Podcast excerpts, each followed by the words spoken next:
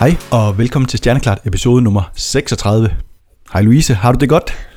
Hej Troels, jeg har det rigtig godt. Det lyder godt. Det her afsnit, det har vi valgt at tilegne øh, den øh, amerikanske astronom Caroline S. Shoemaker, som gik bort her den 13. Øh, august i en alder af 92 år. Igennem sit liv og karriere, der har hun været utrolig aktiv i jagten på at finde nye kometer og asteroider. Og på et tidspunkt der var hun faktisk den person, som havde opdaget flest kometer, nemlig hele 32 stykker og mange hundrede øh, asteroider. Øh, teknikken til, hvordan hun, øh, hun fandt dem, øh, og måske også, øh, så skal vi måske også lige repetere, hvad det er, der er forskellen på kometer og asteroider. Øh, det kommer vi ind på øh, lidt senere, øh, men først der skal vi lige øh, have hendes øh, biografi på plads, i hvert fald sådan lige den helt korte version af den, fordi hun er på ret mange måder øh, en ret ekstraordinær person. Øh, Caroline Jean Spellman, hun blev født den øh, 24. juni 1929 i den amerikanske by Gallup i staten øh, New Mexico. Øh, hun fik en øh, bachelorgrad og en mastergrad i historie, øh, statskundskab og engelsk litteratur. Øh, i, I starten var hun egentlig ikke sådan specielt interesseret i, øh, i naturvidenskab og har fortalt, hvordan hun synes, at øh, øh, blandt andet geologi, det var sådan helt ekstremt kedeligt. Men øh, så skete der det, at hun til sin brors bryllup i 1951, eller 1950, der mødte hun øh, geologen øh, Eugene Shoemaker, øh, som var hendes brors øh, roommate på universitetet. Og, og der blev hun øh, sådan grebet af den måde, han øh, formidlede geologi på, og et års tid senere, der blev de to øh, gift. Øh, hun arbejdede i starten øh, som øh, lærer for nogle syvende klasser, men synes ikke rigtigt, at øh, lærerjobbet det sådan var specielt øh, godt og hvad hedder den, øh, givende for hende, så hun øh, valgte i stedet at, at dedikere sig til at blive fuldtids øh, mor, eller til opgaven som mor for, for, de, øh, for deres tre børn. Efterhånden som, øh, som deres børn de blev store, og Caroline Shoemaker hun øh, fik bedre tid til øh, andre øh, beskæftigelser end, øh, end lige dem, så indledte hun i en alder af 51 år øh, sin astronomiske karriere, øh, hvor hun øh, ledte efter asteroider og kometer, som øh, passerer sådan nær ved jorden. Øh, og det øh, må man sige, det har hun altså gjort ret godt, for hun, hun fandt øh, øh, ja, 52, øh, undskyld, 32 kometer og mange hundrede asteroider. Øh, og det er sådan øh, lidt overraskende ret svært at finde sådan det præcise tal for, mange øh, asteroider hun rent faktisk har fundet, men, men, øh, men nogle steder øh, har jeg set, at, øh, at det bliver nævnt, at hun har fundet mere end 800 øh, asteroider. I, øh, I 1997, der var øh, øh, øh Shoemaker-paret øh, involveret i et voldsomt biluheld i Australien, som endte med at slå øh, Eugene ihjel. Og, øh, og noget af hans øh, aske, det, som vi også tidligere har fortalt, endte med at blive, øh, blive øh, øh, sendt med til, til månen med øh, Lunar Prospector-missionen.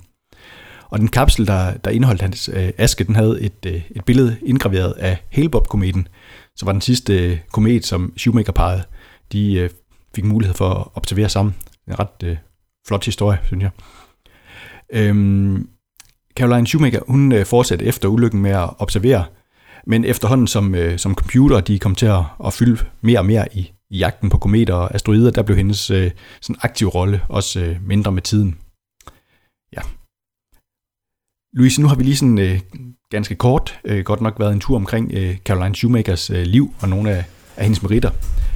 Øh, vil du øh, sådan øh, tage også en tur med ned i, hvordan foregår det så, når man, øh, hvis man skal på jagt efter en, en komet øh, eller asteroide sådan på, på den gammeldags manér her? Hvordan, øh, hvordan gør man så det? Og hvad er det nu forskellen på det med? Ja, det er altid godt lige at, øh, at, øh, at have fundamentale, de fundamentale ting med. Ja. Øhm, så, så jeg har taget nogle sådan overordnede forskelle på kometer og asteroider med, og så kan vi lave sådan en lille øvelse, og så se om vi kan blive enige om, hvad man så kan sige om dem, ja, for de okay. her forskellige egenskaber. Ja, det er spændt på. øhm, men, men jeg kan starte med at sige, at grunden til, at vi synes, at øh, asteroider og kometer er interessante, er, at de er øh, rester fra den proces, som har skabt planeter i vores solsystem. Så det vil sige, at på et eller andet tidspunkt, så har vi lavet en masse planeter i vores solsystem, og så øh, har der været sådan nogle små fuser til stede. Altså det kan være sådan små småsten, eller det kan have været jeg tænkte, der er blevet lidt større, for eksempel er blevet til en, en asteroide. Så derfor er det meget spændende at kunne studere de her objekter, fordi vi mener, at de øh, muligvis sådan kan fortælle os noget om, hvad var øh, hvordan så solsystemet ud for 5 milliarder år siden, da øh, jorden der blev, blev dannet. Øh, så det vi så finder generelt, det er, at kometer de er lavet øh, mest af alt af is, øh, med noget støv og noget sten i. Så man, nogle gange så kalder man dem for sådan øh, beskidte snebolde, øh, men der er nogle nyere øh, fund, som måske tyder på, at der er lidt mindre is i nogle af dem, end vi havde troet førhen. Men, men det vigtige er, at det mest af alt er lavet af is, og det behøver ikke kun at være vandis, det kunne også være is, der er lavet af, af nogle andre fancy øh, molekyler, øh, mm. så det kunne være øh, metan for eksempel, eller sådan noget. Øh, hvorimod asteroider, de er lavet mest af sten og metal. Jeg kan se, jeg har skrevet en fejl med nummer. øhm, så der er altså ikke noget is i, uh, i, uh, i asteroider. Hvis der er, så, så det er utroligt lidt, eller vi har ikke øh, kunnet finde nogen endnu i hvert fald. En anden stor forskel på kometer og asteroider, det er, at de kredsløb, som en komet er i, strækker sig gerne øh, længere væk end Neptuns. Det, det er det, man kalder for et transneptunian object. Så vi mener, at, øh, at de, mest, de fleste af dem de opholder sig ret langt væk fra, fra solen i vores solsystem, men nogle, af, nogle gange er der så en af dem, der sådan lige svinger ind forbi solen, fordi de har et meget excentrisk øh, omløb. Så det vil sige, at det er sådan en cirkel, man, man trykker flat, og det, kan, det vil sige, at de har, sådan, nogle gange så kommer de meget tæt på solen, og så smutter de sig tilbage ud til yderdelen af solsystemet. Og det øh, er altså ofte sådan, at vi observerer kometer, når de er på vej ind tæt på solen, og så de øh, udsender en masse øh, gas fra sig, som det der is, de indeholder, som så øh, øh, bliver lavet til gas, og det kan så se rigtig flot ud, at man får sådan en komethale. Øh, asteroider derimod, dem finder vi gerne i øh, asteroidebæltet, som befinder sig mellem øh, Mars og Jupiter. Øh, men de er sådan lidt, øh, lad os sige, de er sådan lidt spredt ud over det meste af vores solsystem, men langt de fleste af dem øh, er faktisk ret tæt på solen, så sådan lige, lige omkring øh, øh, sådan halvvejs mellem Mars og Jupiter. Okay. Øh, så det er sådan nogle af de, de sådan mest overordnede forskelle på asteroider og kometer. Øh, kometer er faktisk gerne ikke særlig store, altså de kan være op til et par kilometer i størrelse, men så stopper det lidt der, hvorimod asteroider, de kan i teorien være øh, fra en småsten op til, øh, jeg tror det er en, en halv gang øh, månens størrelse, eller så. så begynder vi så at kalde dem for, for dværgplaneter på et tidspunkt. ja, asteroider, er de, undskyld, er de, hvordan, er, hvordan ser deres bane ud? Er det også sådan meget øh, hvad hedder det, øh, sådan langt, eller hvad skal man sige? Så mange, mange af dem, der er i asteroidebæltet, har relativt øh, cirkulære øh, hvad hedder det, kredsløb. Øh, det interessante er, at nogle af dem at de, de løber ikke alle sammen den samme vej rundt, så nogle af dem de går sådan med ud, og nogle af dem går mod uret. Øh, og der er så også nogle af dem, der har høj et excentricitet, øh, hvor vi, men vi mener, at det er nok fordi, at hvis de så er øh, på en eller anden måde har interageret øh, via tyngdekraften med en anden planet, med, med, med en planet, øh, for eksempel Jupiter, så kan man få sådan nogle ustabile øh, kredsløb. Så man kan også finde asteroider i, i eccentriske kredsløb, men, men langt de fleste af dem, vi finder, som er i stabile kredsløb, er dynamisk stabile kredsløb, de er sådan ret cirkulære. Øhm, så sådan, som astronom, når man kigger på de her to overordnede forskelle, så det er is versus ikke-is, og øh, langt væk fra solen versus tæt på solen. så den mest naturlige konklusion at komme til, det er, at kometer de er blevet dannet langt væk fra solen, sådan uden for det, vi kalder for islinjen, så det er derfor, de kan have en masse is i sig stadigvæk. Hvorimod, at vi mener, at de fleste asteroider er blevet dannet meget tættere på, tættere på solen. Så det er sådan lidt, så man kan sige noget om kometer, de siger noget om, hvad der sådan skete i de yderdele af solsystemet, dengang jorden blev dannet, og øh, kometer, altså og asteroider kan sige noget om øh, det, der er lidt tættere på, på solen. Øh, så jeg håber, det var, at det, det sådan, sådan, øh, åbnede lidt op for, hvad forskellen er. Øh, et af mine yndlings øh, stykker fakta i astronomi, det er, at ofte når der, vi har meteorsværm her på, øh, på jorden, så er det faktisk fordi, vi sådan, suser igennem en komethale. Øh, og så alt det, vi ser, som der øh, sådan, risler ned på, på jorden som, som stjerneskud, altså de her øh, meteorider, øh, er faktisk sådan småsten og debris, eller hvad hedder sådan noget, ja, debris fra, øh, fra en komet, der, der der susser forbi på et tidspunkt. øhm, ja, så hvordan øh, finder man så de her kometer eller asteroider? Øhm, og det man øh, gerne tager, man, jeg har lavet sådan en lille, en lille opskrift, og det er, at man skal have det, vi kalder for et stort field of view, og så var jeg, gik jeg lidt øh, tabt tab for, hvad det hedder, skulle hedde på dansk, men det vil sige, at, at man kan tage et billede af himlen, øh, og man kan tage et så stort billede af himlen som overhovedet muligt. Og det her det sådan, handler egentlig mest af alt bare om øh, øh, statistik. Ikke? Altså, vi ved ikke, hvor de her kometer eller asteroider er henne. Vi vil gerne finde nogle nye nogen. Så jo større en del af himlen, vi kan observere på, på en gang, jo, jo bedre er vores chancer for at finde, finde noget. Lige præcis. Ja, og så øh, så tager man så to billeder, som er taget cirka en time, øh, med en times mellemrum, øh, præcist i øh, øh Caroline Schumachers øh, øh, øh, arbejde, der har de brugt 45 minutter. Jeg ved ikke, øh, hvordan de har fundet det, sådan det perfekte tidsinterval. Øh, og så bruger man det, der hedder et stereoskop, hvor man så med det ene øje kigger på billede nummer 1, og så med det andet øje ser man på billede nummer 2. Og det vil gøre, at alt, hvad der er øh, sådan, øh, ikke har flyttet sig fra et billede til et andet, lad os sige, at vi gør det her, vi tager højde for jordens rotation, altså noget, mens vi gør det her. Øh, så alle stjernerne for eksempel, som bare skal jeg sidde, hvor de har siddet for 45 minutter siden. Øh, de kommer bare til at lægge som sådan et fladt lag øh, bag os, og så vil der så et eller andet andet, for eksempel en komet, som er øh, tættere på os, meget, meget tættere på os, end, øh, end alle øh, end alle stjernerne er, og som så derfor har flyttet sig lidt fra billede 1 til billede 2 i forhold til sådan relativt til stjernerne, baggrundsstjernerne. Det vil sådan se ud som om, at de sådan flyder lidt ovenpå alle de andre øh, ting i billedet. Så jeg ved ikke, om du nogensinde har kigget på sådan et stereoskop selv. Jeg tror, jeg har sådan et lille legetøjsapparat, da jeg var lille.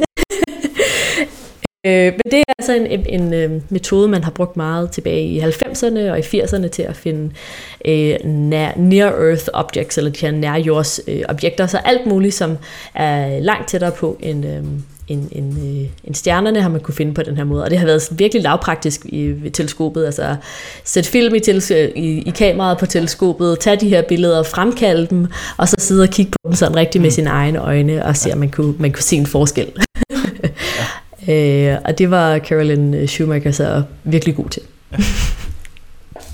Og, det, og det lyder øh, altså ikke som noget, som sådan har været helt enkelt. Altså når du sådan beskriver processen, jo, processen lyder jo egentlig enkelt nok, men, men, men øh, altså når, når det, man har det her store sådan, øh, udsynsfelt, eller hvad man skal kalde det, så kan det jo være rigtig, rigtig mange steder i det billede, man sådan ligesom skal, skal se den der forskel. Og jeg, jeg kunne forestille mig, uden at have prøvet det, at det ikke er øh, helt så enkelt. I, I teorien lyder det jo meget, meget øh, simpelt, men øh, jeg kunne forestille mig, at det, det er det nok ikke, når det kommer til stykket. Nej, og, bestemt ikke, og specielt ikke, hvis man gerne vil være sådan systematisk, når man gør det, eller man vil gerne være sikker på, at man ikke øh, mister noget. Og jeg tror, det der har været et, et sådan virkelig et stort problem for dem øh, dengang, og til, altså på en eller anden måde stadig er det for, for astronomer. Det er, hvad, hvad nu hvis der var et lille støvkorn på mm. ens øh, øh, kamera ved billede 1 for eksempel, som så ikke mm. er der billede 2. Så der er sådan alle mulige ting, hvor man skal øh, sådan en masse falske positive øh, signaler eller scenarier, man også er nødt til at, og, øh, at komme udenom.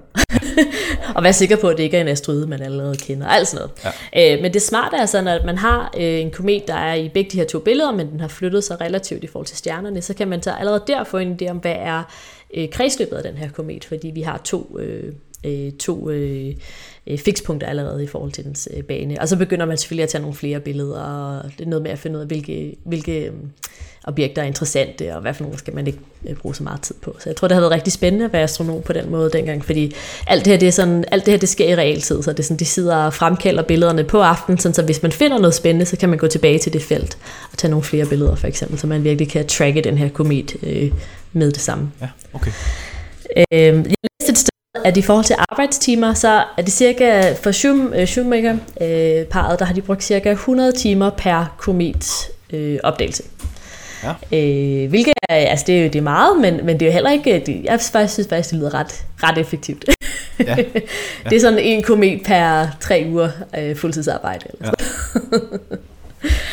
Øh, men jeg tror, at det, der sådan virkelig slår mig i forhold til øh, Carolyn Schumacher, er, altså hun virker som en person, der har været sådan virkelig drevet af opdagelse. Altså det mm. virkelig har sådan noget, der, der har givet hende, der har, der har ja, holdt hende kørende. Øh, og det er også sådan en, en øh, entusiasme, hun har været rigtig god til at, øh, at give til andre, og sådan meget smittende, så jeg kan virkelig anbefale at gå ind på YouTube og finde nogle interviews med hende. Hun er virkelig spændende at, at lytte til. Ja.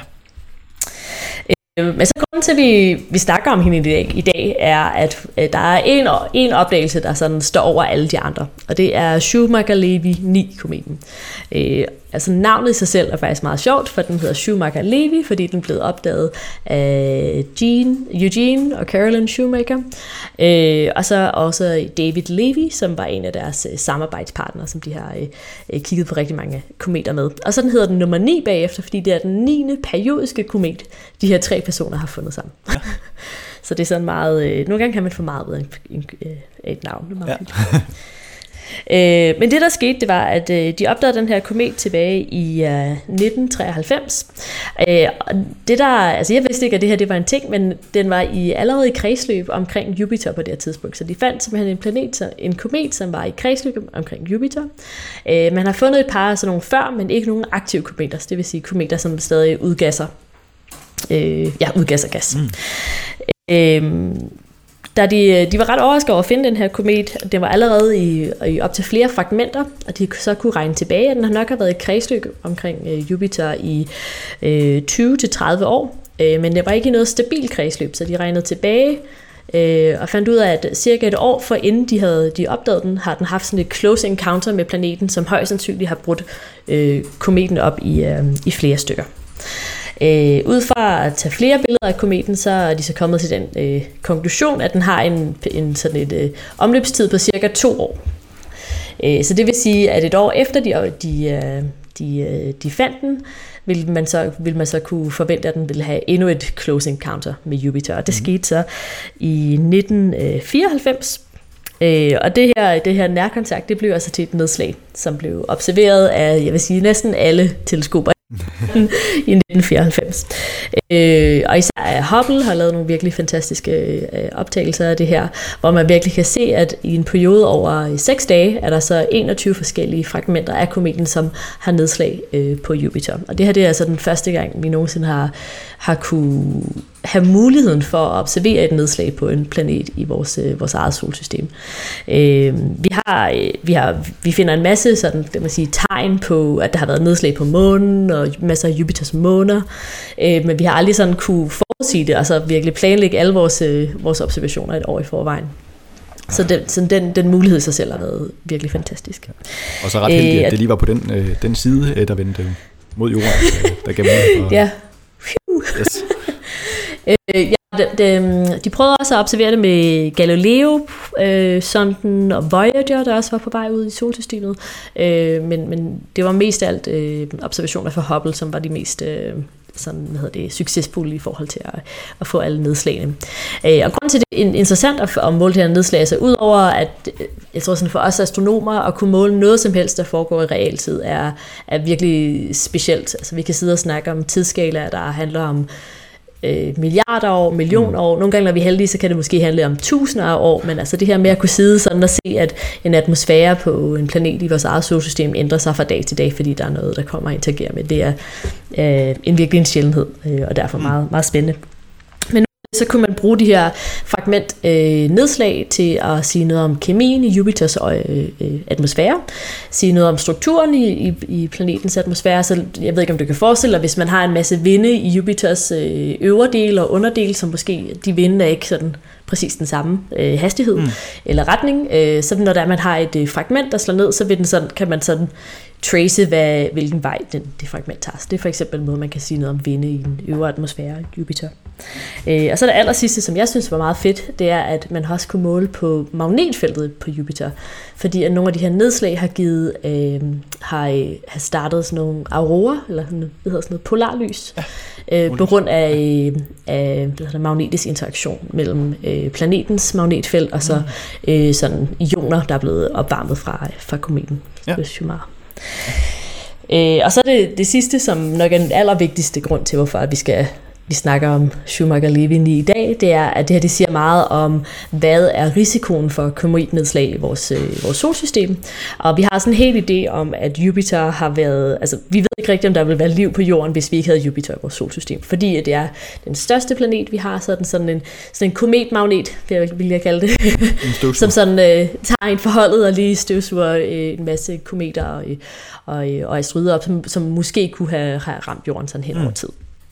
Øhm, og det er noget, man har, øh, lad os sige, vi har, vi har teorier for, men, men fordi man ikke rigtig kan se et nedslag på Jupiters overflade, fordi den har den her meget tykke atmosfære, så kan vi ikke rigtig sige noget præ- præcist om, øh, ja, så er det sådan en teori, man har, og det er selvfølgelig rigtig rart, at vi nu har kunne se, at, at det er noget, der sker.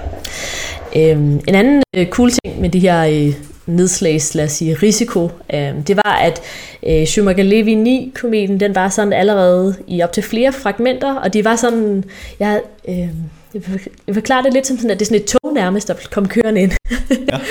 Øh, eller som tog med en masse vogne bag sig. Øh, og man har så senere hen fundet en masse andre øh, øh, nedslagskrater på nogle af Jupiters måner, som lidt har sådan, altså, sådan en masse krater, der ligger på, li- på række nærmest, eller på linje. Øh, hvor nu så har vi sådan nok en idé om, om det er nok en komet på et tidspunkt, som er blevet øh, revet i stykker på grund af øh, planetens atmosfære. Og, og det giver så også en anledning til det her meget specielle nedslags øh, et krater ja. mønster. Ja, ja, ja. Øh, så ja, så der, der kan vi jo sige mange tak til, øh, til Jupiter for det. Ja. Jo, og så synes jeg også, at øh, øh, du startede med at sige det med, at det, en af grundene til, at det, det er væsentligt at, at jage de her kometer og asteroider, det er, at det kan være med til at, at fortælle os noget om, øh, om det tidlige solsystem, men det er jo også sådan en mere, hvad skal man sige, sådan mere øh, øh, en, på en eller anden måde nærværende øh, sådan en, en risikoanalyse af, øh, hvad er, øh, altså at have styr på, hvad der flyver rundt derude, sådan, som vi potentielt kan støde ind i, eller der kan støde ind i os, øh, ja. og, og, og hvor stort er det, og hvad kan der ske, og alle sådan nogle ting. Øh, så det er jo også ja. meget sådan nærværende på den måde. Lige ja, det er meget rart at have styr på det, den. Ja, ja, og alt det her med at finde kometer, asteroider, og specielt de her near-earth objects, eller nærjordsobjekter, er, øh, er stadig sådan meget øh, aktiv videnskab. Mm. Øhm, og sådan det, der, der, der er det næste, lad os sige, kapitel i at, at finde kometer og asteroider, det er et stort teleskop, der skal bygges, eller er ved at blive bygget i, i Chile, der hedder Vera Rubin øh, Observatoriet. Øh, jeg var lige inde at tjekke i dag, at de skal faktisk, øh, de starter med at observere i 2023, det er jo faktisk om om ikke så lang tid, så det bliver spændende. Øh, men det er et stort øh, 8 meter teleskop, som er blevet, øh, hvor man har maksimeret det her field of view, som jeg snakkede om før, så det er et stort teleskop, men øh, man har stadig prøvet på at kunne tage store billeder af himlen på samme tid, som han har et mm, kæmpe stort kamera, for at sige det pænt, ja. øh, som har et, et field of view, der svarer til 40 gange fuldmånen, så det virker, hvis man tog sådan 40 fuldmåner og satte dem op ved siden af hinanden. Ja. Øh, og ideen er, at øh, Vera Rubin-teleskopet, det skal så sådan scanne øh, nattehimlen konstant, øh, og, og så tage billeder. Øh, og det skal så blive ved med at tage billeder hver dag. Jeg, jeg tror, så vidt jeg husker, så er planen, at hvert øh, sådan område på nattehimlen skal have, jeg tror det er cirka 500 billeder taget over en øh, årsrække på 10 år. Eller sådan noget. Og, øh, og det er øhm. meget sådan i forhold til, hvad man, man gør nu, eller hvad? I forhold til, at, øh, at de kommer til at tage ret dybe billeder, fordi mm. teleskopet er så stort, og de kommer også til at bruge forskellige farvefiltre og sådan noget. Øh, men ideen er, at det er sådan meget et, et dybt... Øh, et dybt survey, hvor man mm. så både kan kigge efter, lad os sige, galakser, der er langt væk, eller meget små asteroider, som, som måske ikke er så langt væk, men øh, som er svære at finde. Ja. Øh, de kommer til at, øh, at tage data, der svarer til 20 terabytes per nat. ja. øh, og jeg ved, tror, jeg har brugt mig over, at jeg har problemer med, med, øh, med datamangel på min egen laptop. Jeg var lige inde og tjekke, jeg har en halv terabyte til, til rådighed i alt. Yes. Øh, så ja, det, det er så 40 øh, gange min, min, øh, min computer, de kommer til at fylde op hver nat med, nat. med billeder. Ja. Det, bliver, det bliver virkelig spændende. Der er noget data, der skal holde styr på. Det er præcis. Øh, men så den måde, som Vera Rubin uh, surveyet kommer til at finde og virke på i forhold til at finde near-earth objects, det er så så det ligesom jeg snakker om før med de her stereobilleder, men vi skal så bare ikke have et menneske til at sidde og kigge på forskellen, sådan find, find en fejl fra et billede til et andet. Så det man gør, man tager et billede, øh, man har fra sidste uge, og så tager vi et billede i dag, og så trækker man den bare fra hinanden. Og så alt, hvad der er tilbage over til det her billede, det er så enten støj, eller øh, et sandkorn på linsen, eller et eller andet sådan et... Øh, øh, en, eller andet, en eller anden form for, for støj, som ikke var der sidste gang, vi tog et billede, eller det kunne være asteroider, eller kometer, eller øh, andre spændende sådan, øh, transient objects, tror jeg, vi kalder dem. Så det kunne også være en supernova, eller øh, et udbrud i en eller anden fjern galakse. Eller, eller sådan. Så det, der kommer til at være rigtig... En øh, omrumor, lige præcis. Ja. Jeg tror, der, der, der kommer til at være rigtig, rigtig mange... Øh, spændende opdagelser med det her observatorium. Og grunden til, at det bliver øh, en rigtig stor del af funding til at bygge det her teleskop, kommer fra, det, er, det er et amerikansk projekt, men meget af det kommer fra, øh, øh fra NASA, som har en, øh, et projekt om, at de vil finde 90% af alle near-earth objects, der er større end 140 meter.